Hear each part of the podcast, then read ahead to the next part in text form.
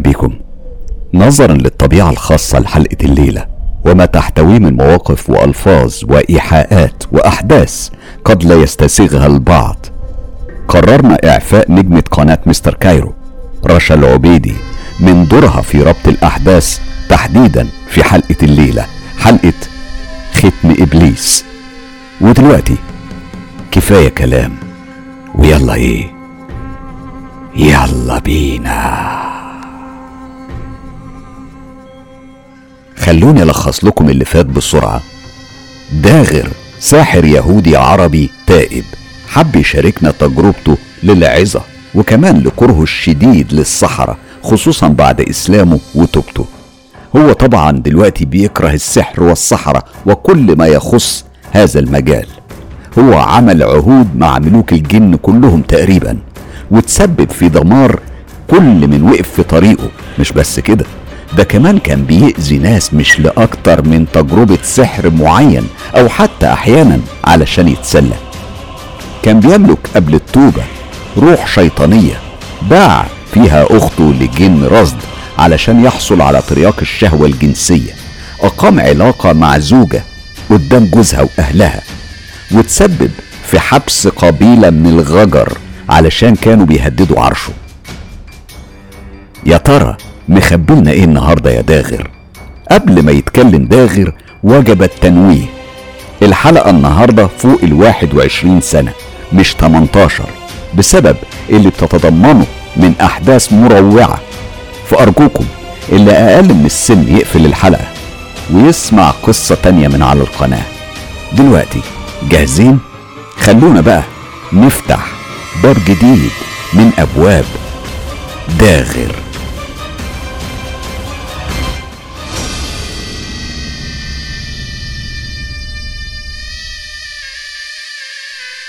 أنا قبل ما أكمل قصتي عايز أسأل سؤال مهم.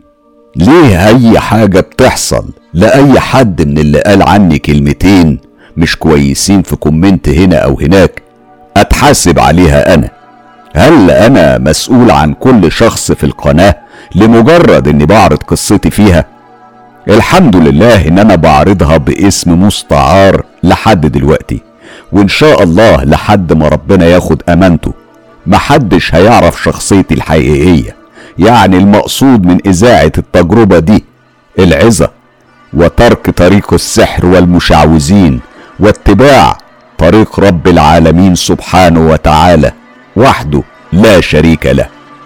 تجربتي مش مقصود بيها شهرة ولا سلطة ولا نفوذ ولا معارف فإيه الداعي إنك تدخل تتحدى ساحر؟ هو ده اللي بيضايق. معنى كده إنك شايف نفسك ساحر أقوى منه. وده بيحطك في مكان تاني مختلف. فما تجيش تعيط في الآخر وتتهم شخص أنت ما تعرفوش ولا عمرك شفته إنه ضرك في حاجة. طب ما دام أنت جامد كده بتعيط ليه؟ بالنسبة بقى للسادة مدعين الفضيلة. كلكم كلكم بلا استثناء تملكون نفس بشرية. والنفس البشرية كلها شر وحقد وكره وغل وإلا ما كانش فيه مجال لوجود سحر أو صحراء أيها السادة يا من تدعون الطهر اقلعوا أقنعتكم وواجهوا أنفسكم. السادة بقى مدعوا الحياء. أنتم الأكثر تواصلا مع النساء الأجنبيات خلف الكواليس وبلاش أتكلم أكتر من كده. المهم. الحكاية النهاردة عن نفس بشرية بتحمل ملامح ملاك. لو كنتم متخيلين إن أنا الأبشع في العالم فالشاب اللي هتكلم عليه هو أبشع من إبليس نفسه. يمكن يكون زي الكتير مننا بيدافع عن خدش الحياء في كل المنصات وبيدعي الفضيلة لكن حقيقته ما يعرفهاش غيري واللي أنتوا هتعرفوها دلوقتي. في يوم بلغني واحد من خدامي من الجن إن فيه شاب عنده حوالي 22 سنة بيلف حوالين البيت وهو بيدور على شقتي بس مش عارف رقمها.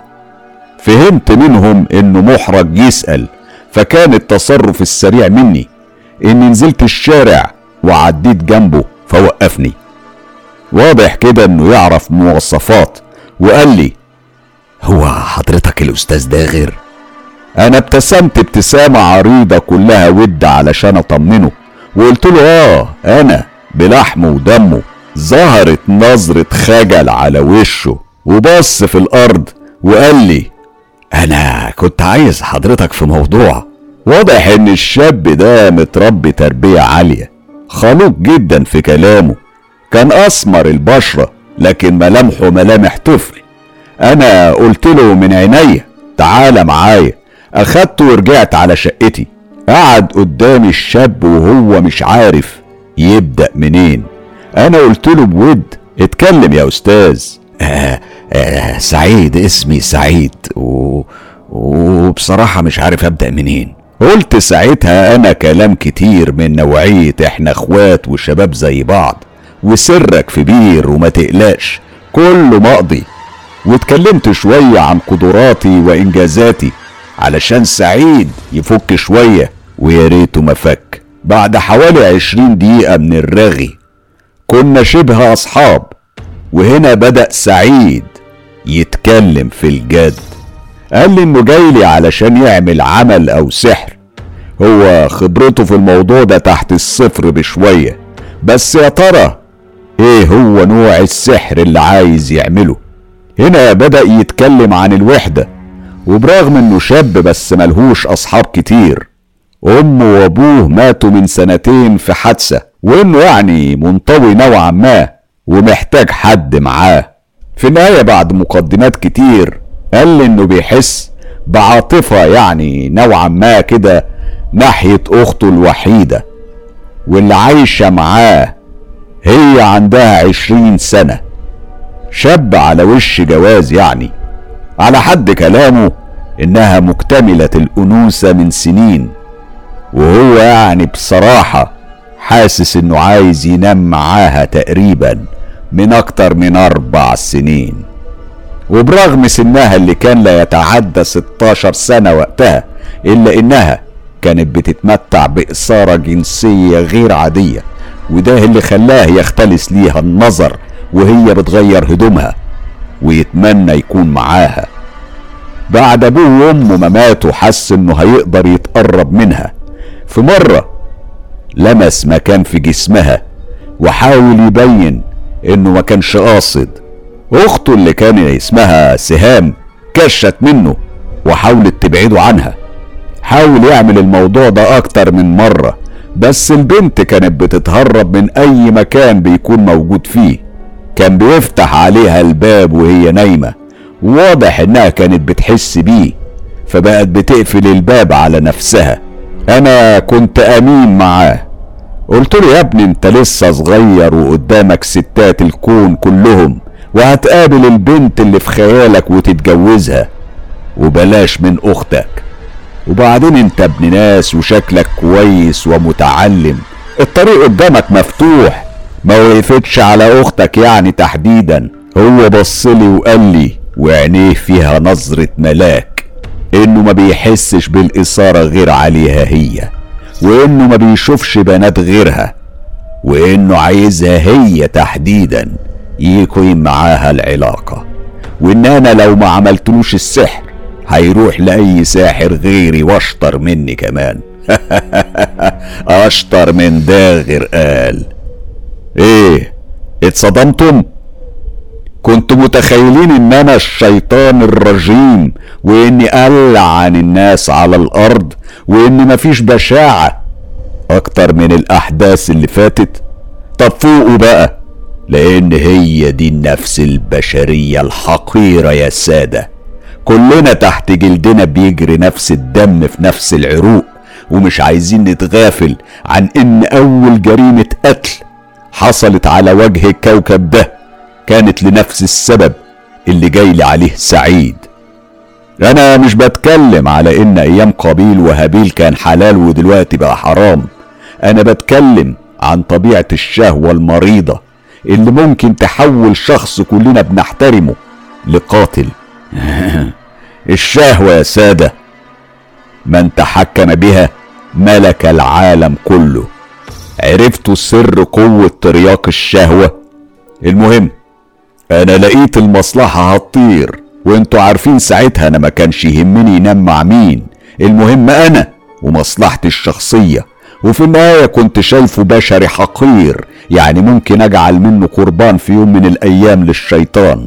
أنا على طول طلبت منه صورة لأخته وبرغم إن السحر اللي هعمله مش محتاج قطر بس أنا طلبت منه قطر كنوع من أنواع إثارة النخوة عنده وفعلا ظهر على وشه التردد لكن ده كان للحظات سريعة وبعدها وافق.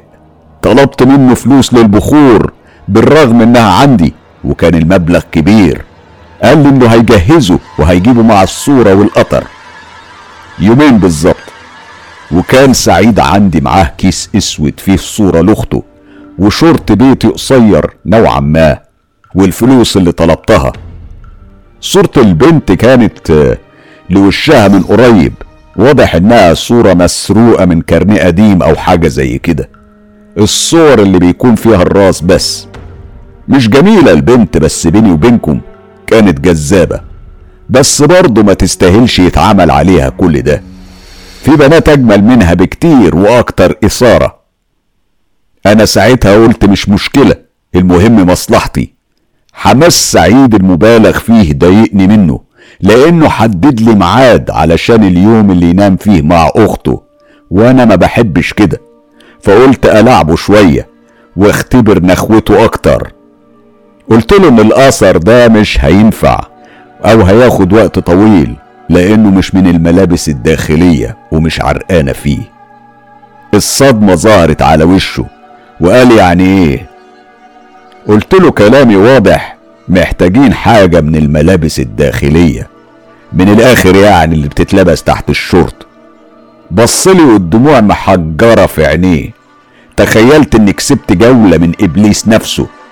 بس خيب ظني وقال لي آه ماشي ماشي إيه آه إديني ساعة. فعلا خمسين دقيقة. وكان بيخبط عليا ومعاه القطر المطلوب اللي ما كانش له أي لازمة في السحر. كان الهدف منه إني كنت أكسر نفسه وأذله. النوع ده من السحر سهل مش صعب وعلشان كده أنا مش هقول كل تفاصيله ولا أنواع البخور بس هقول لكم تأثيره وأسلوب تفعيله. الجن المطلوب في حاجة زي كده اسمه عنتر. مش هكمل باقي الاسم. ونوع البخور نوع معين مش محتاج حماية لأنه مش عدواني. شكله واخد الموضوع هواية عن حب. الجن ده مش واحد بس. في ملايين الجن بنفس الاسم وبيعملوا نفس الشيء. وهو إنه بيلمس البنت ويعيش في جسمها ويرافقها في كل مرة بيقرب منها الشخص اللي عايز يمارس معاها الجنس. في البداية هو بيداعب الأماكن الحساسة في جسمها وبالتالي بيخليها تحس بالإثارة وساعتها بتبقى عايزة أي حد معاها والسلام. وهنا هيجي دور سعيد وهيحاول معاها وهي تحت تأثير قوة عنتر بتسيب نفسها ليه. في الوقت ده مش بس سعيد اللي هيمارس الجنس معاها في الحقيقة عنتر ساعتها بيسيب جسمها وبيسكن جسم سعيد فهي بتحس إن اللي هي نايمة معاه ده أجمد راجل على وجه الأرض. وفي النهاية لما بياخد عنتر كيفه بيرجع تاني جسمها والدنيا بتبقى تمام. دلوقتي بقى إيه رأيكم؟ هل أنا فعلا شيطان ولا سعيد؟ مين فينا الحقيقي ومين فينا المزيف؟ مين اللي واضح وصريح ومين اللي منافق وكذاب؟ النفوس البشرية المريضة أكتر بكتير مما تتخيلوا في حكايات كتير وتجارب اتعملت على البشر بتوضح حقيقة النفس البشرية مش مجالنا هنا إننا نناقشها. مهما كان أنا في الآخر شخص جاهل بس أقترح تعملوا حلقة عن النفس البشرية في كرسي الاعتراف. آه بالمناسبة أنا بحضره بس مش بتكلم ولا بظهر ولا هيحصل. كنت مدي ميعاد لواحد هناك على فكرة آخر حلقة لكنه هرب.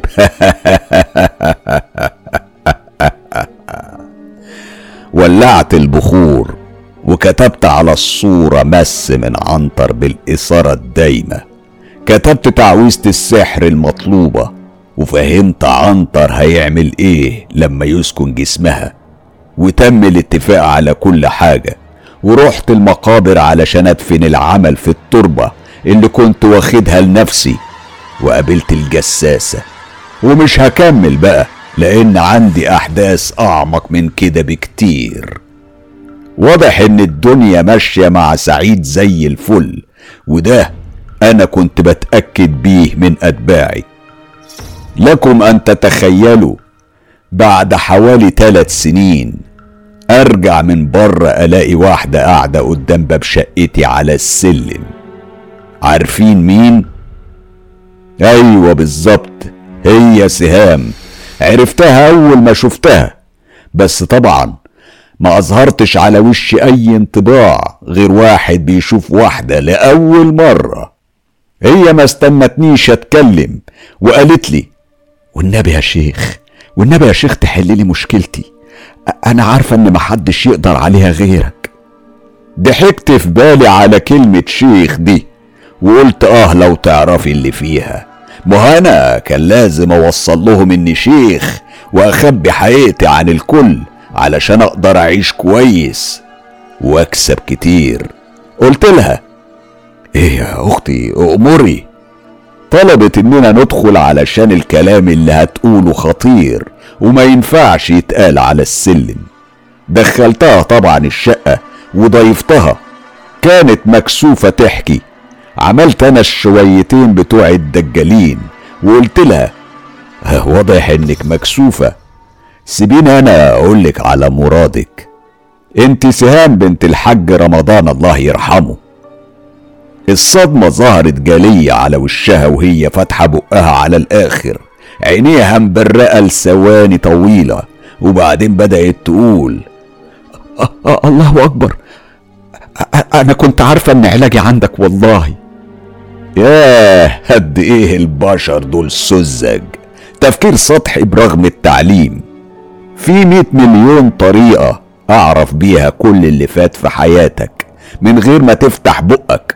عن طريق استنطاق القرين من خلال أتباعي. في مئة مليون طريقة أوصلك لمرحلة إنك تؤمن بيا إني رسول منزل من السماء مع شوية كلمات رنانة ذات طابع ديني وساعتها أنا ممكن أوصلك لدرجة العبادة.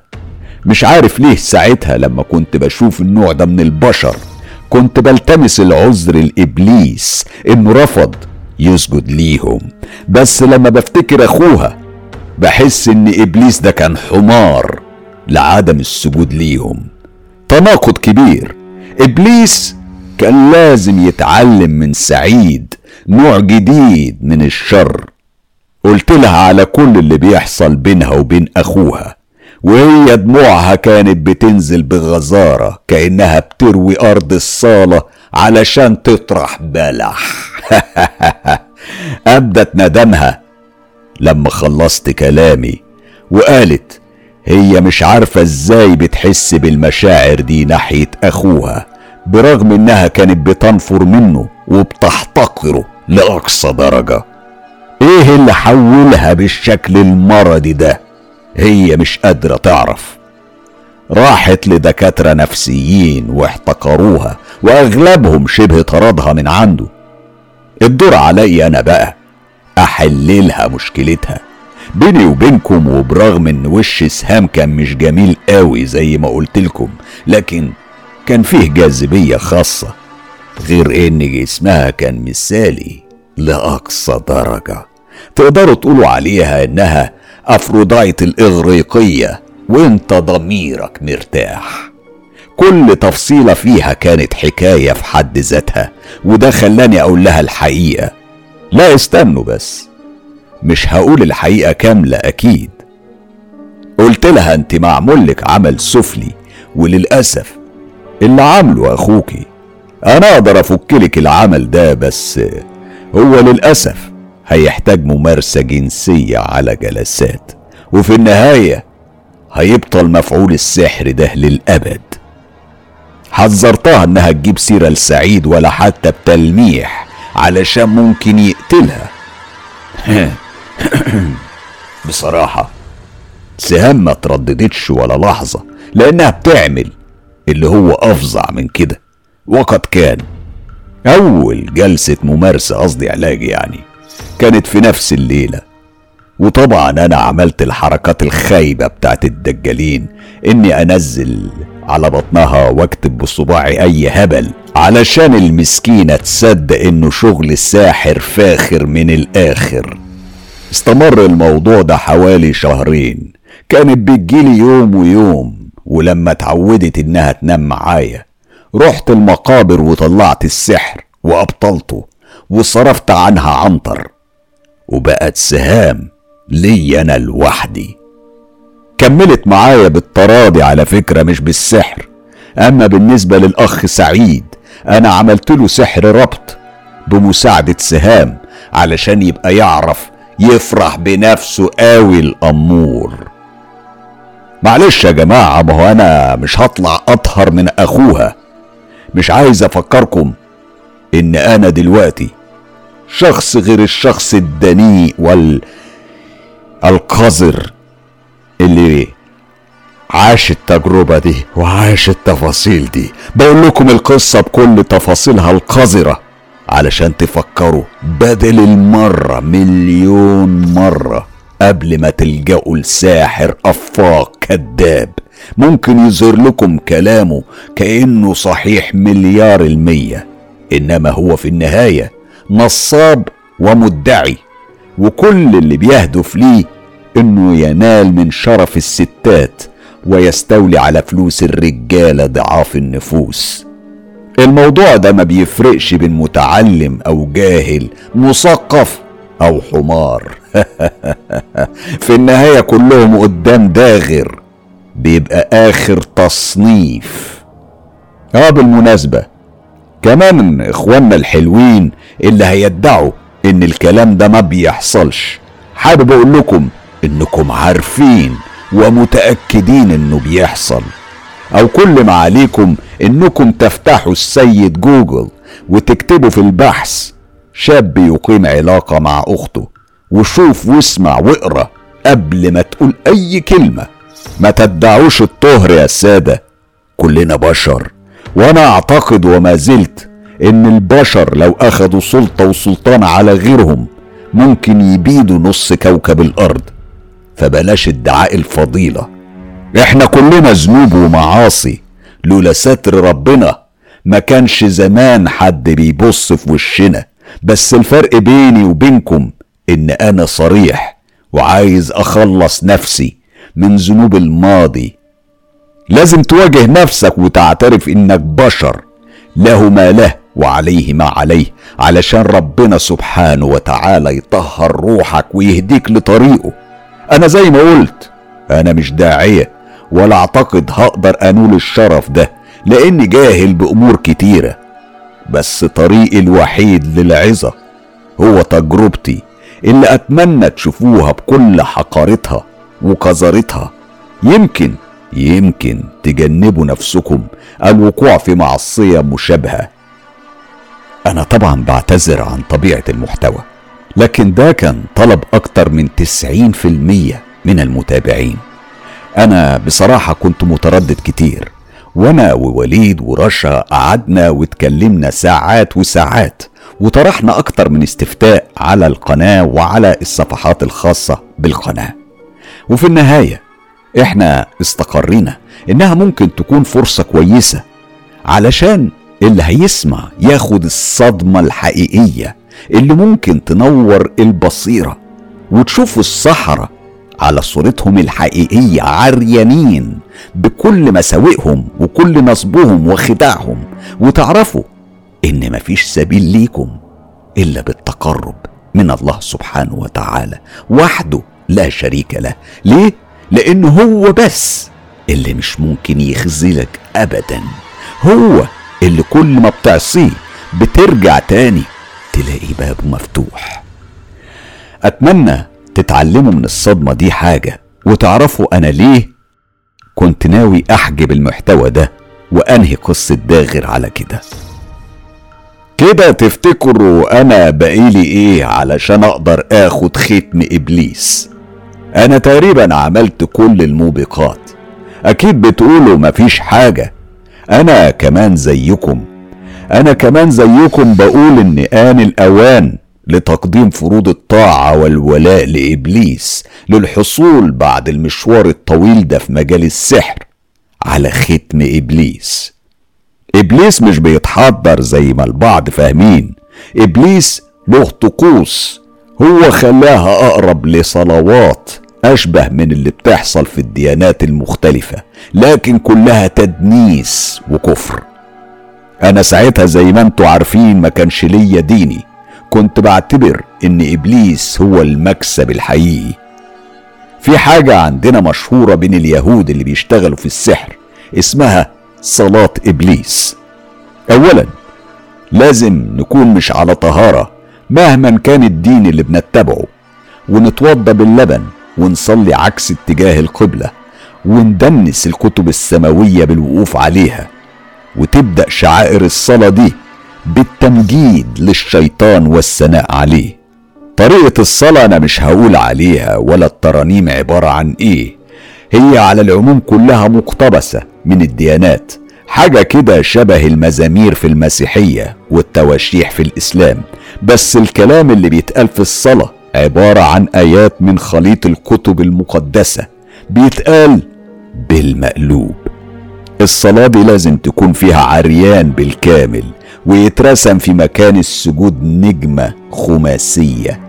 بتتحط شموع سودة عند كل راس في النجمة وبعد كمالة الصلاة والترانيم اللي ليها عدد محدد بيبدأ ظهور عرش إبليس في المكان. عرش مهيب على مية تشبها أستغفر الله العظيم بالذات الإلهية. كذاب اللي يقول لكم إن إبليس بيظهر ملامحه في الجلسة دي. هو بيكون عبارة عن كيان من نار متوهجة بتتشكل على هيئة جسم أقرب للبشري بس أضخم بكتير معاه صولجان من نار. لو مده ممكن يوصل لآخر البلد. يعني هو بيتحكم في طول الصولجان بمزاجه. واضح كده انه له زوائد من أماكن متفرقة في جسمه مش زينا محددين الأطراف. طبعا كل اللي بقوله ده من واقع الفكرة اللي أخدتها عن الكيان الناري. ما كانش في حقيقة قاطعة يعني غير الصولجان. وهنا سمعت صوت في راسي مش في وداني وده معناه إن معاه أتباع. الصوت كان بيقول لي اسجد يا داغر في حضرة إبليس ما ترفعش راسك. اتكلم وانت ساجد. وطيت راسي علشان أسجد.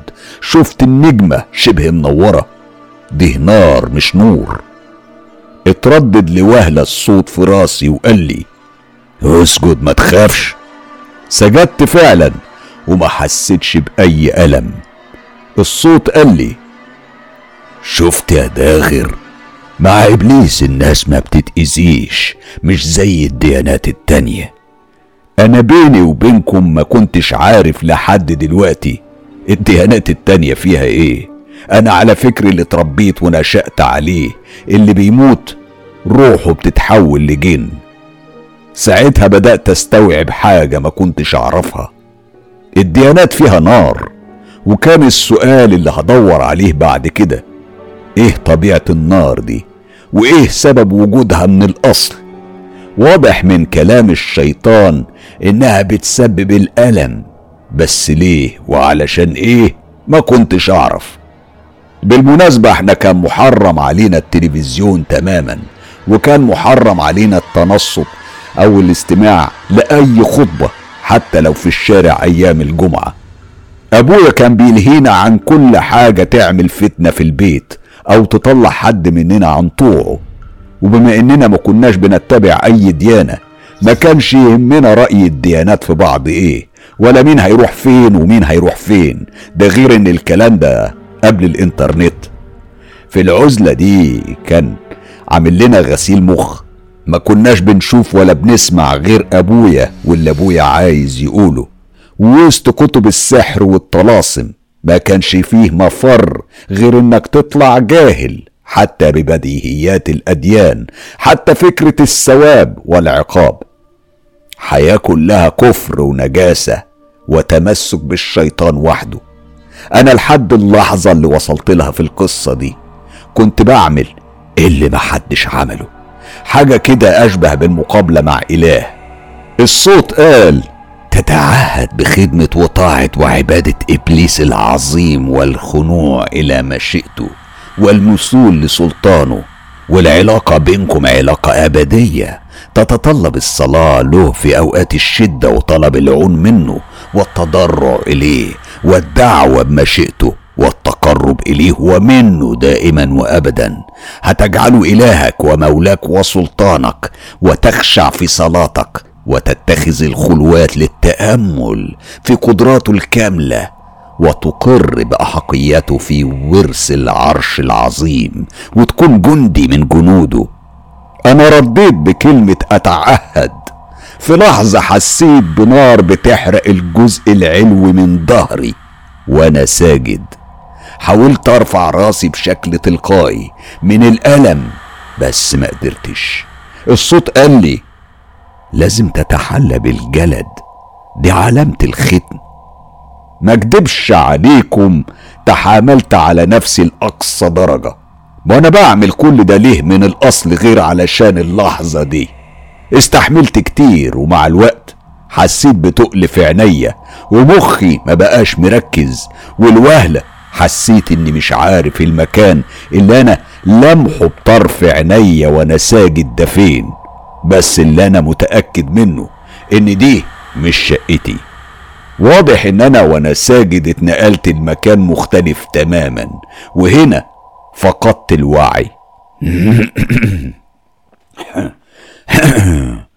لما فقت ما كنتش فاهم إيه اللي حصل.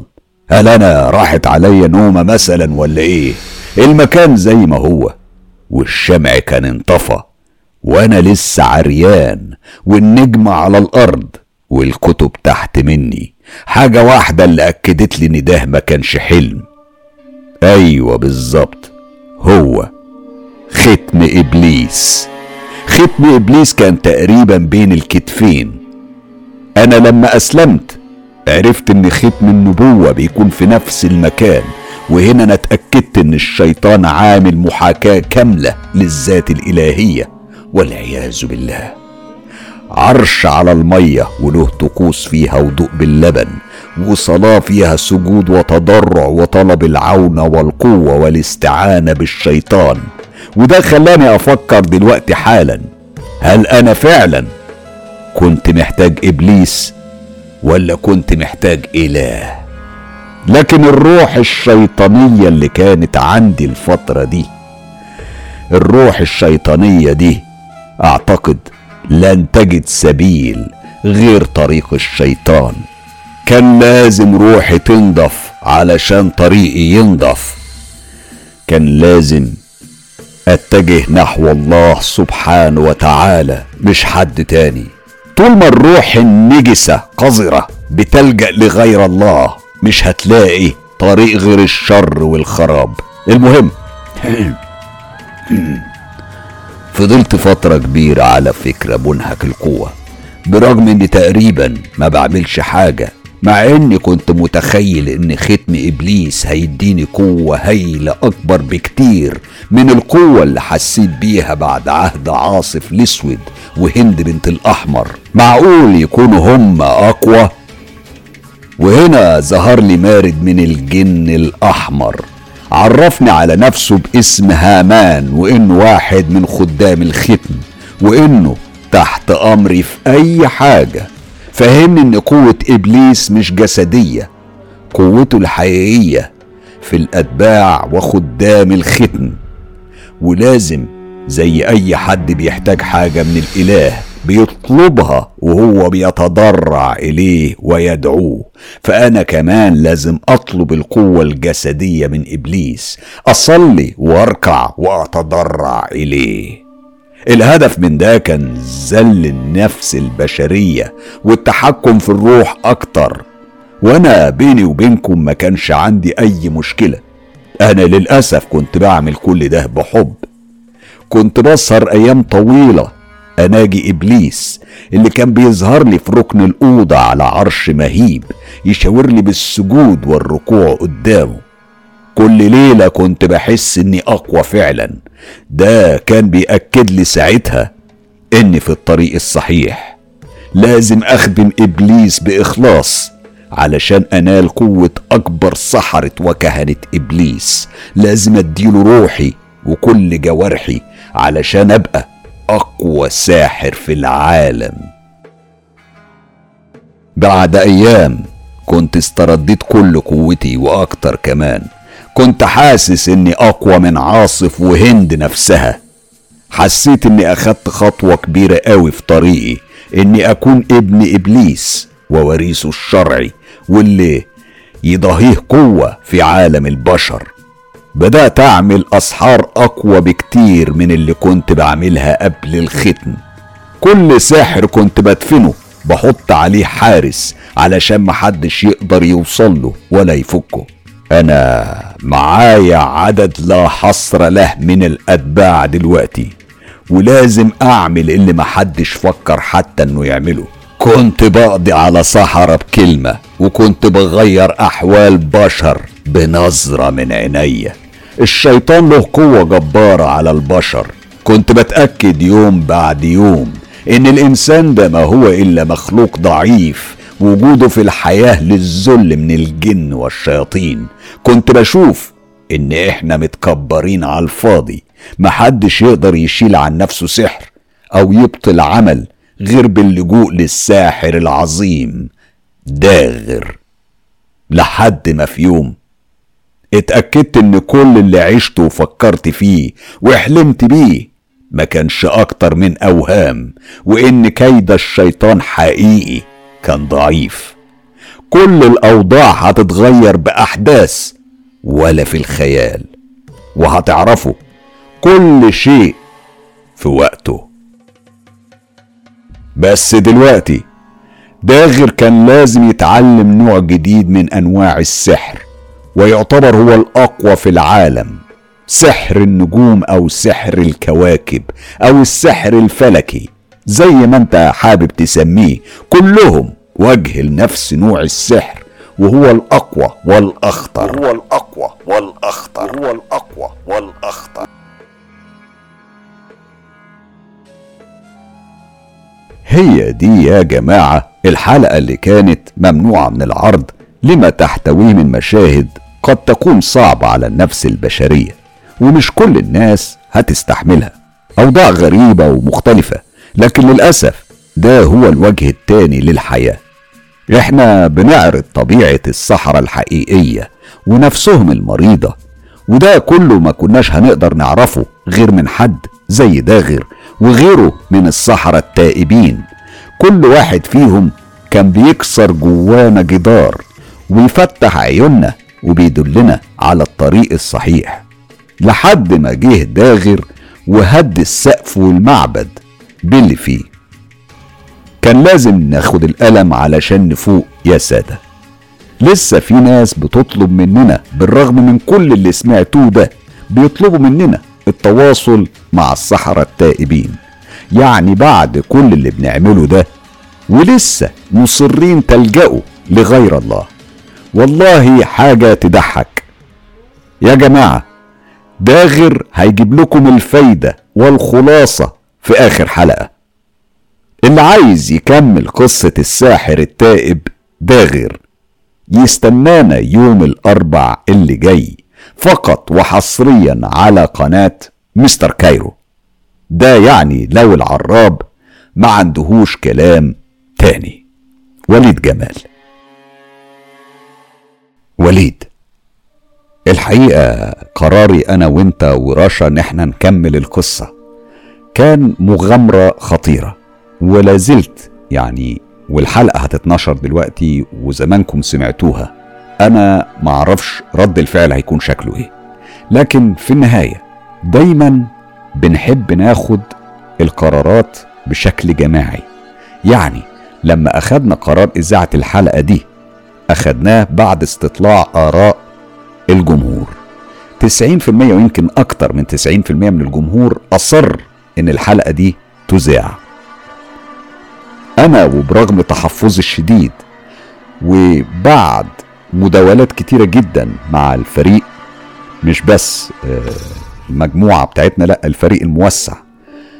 الحقيقة كان في اتجاهات كتير متضاربة لكن في النهاية إحنا اتفقنا إن القرار لازم يكون قرار الجمهور والجمهور هو السيد الجمهور العظيم جمهور مستر كايرو. هو السيد الآمر الناهي. وطالما أنتم طلبتم إحنا لازم نلبي. وأنا بسبب كم كم فعلا الفظاعة اللي موجودة في التجربة واللي بتكشف وبتعري الصحراء بالكامل قدام الجمهور أنا سعيد.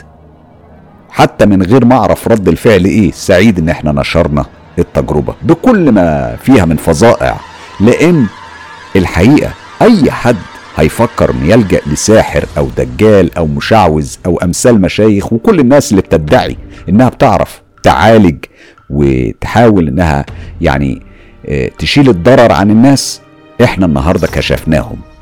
لأن دي هي حقيقتهم. دي الصورة اللي أنتوا ما بتشوفوهاش. أنتوا بتشوفوا حاجة تانية خالص. لكن إحنا النهاردة كشفنا الحجاب وشفتوا بعينيكم. الناس دي بتعمل إيه؟ فجر ما بعده فجر. شرك وكفر ما بعده كفر وشرك. فظاعة بمعنى الكلمة. أنا بشكر داغر إن هو يعني فتح قلبه واتكلم معانا بمنتهى الصراحة. والحقيقة إحنا اللي سمعتوه النهاردة ده بعد حذف كتير من المحتوى اللي ما قدرناش إن إحنا نذيعه. آه كم البذاءة وكم الفظاعة اللي موجودة في التفاصيل مخجلة للغاية؟ أنا عارف اللي إحنا زعناه ده صعب صعب جدا ويعني الخيال ممكن ما يتوصلش لواحد على ألف من اللي سمعتوه بس صدقوني اللي كان هيتذاع لو ما كناش قمنا بالحذف كل اللي أنتوا سمعتوه ده لا يمثل واحد في المية من الفظائع اللي اتحكت. لكن في النهاية العظة هي الهدف.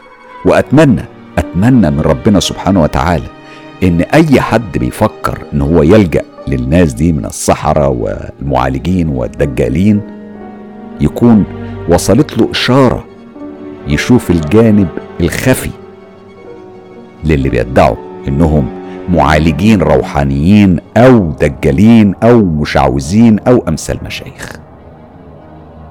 أنا كده خلصت.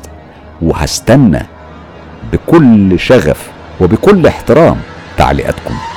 كل تعليق هتكتبوه هيتحط موضع اهتمام شديد جدا. الحلقة دي تحديدا حلقة ختم إبليس. حابين نعرف الناس استفادت ولا ما استفادتش؟ هل فعلا كان قرار صحيح نشر التجربة بكل الأهوال اللي فيها؟ ولا كان قرار مش سليم؟ وغير موفق. لو وصلنا لعدد كافي من الأصوات اللي بتقول القرار كان غير موفق أوعدكم هنحذف الحلقة دي من القناة وهتختفي للأبد. كأنها لم تكن. بشكركم. مستر كايرو.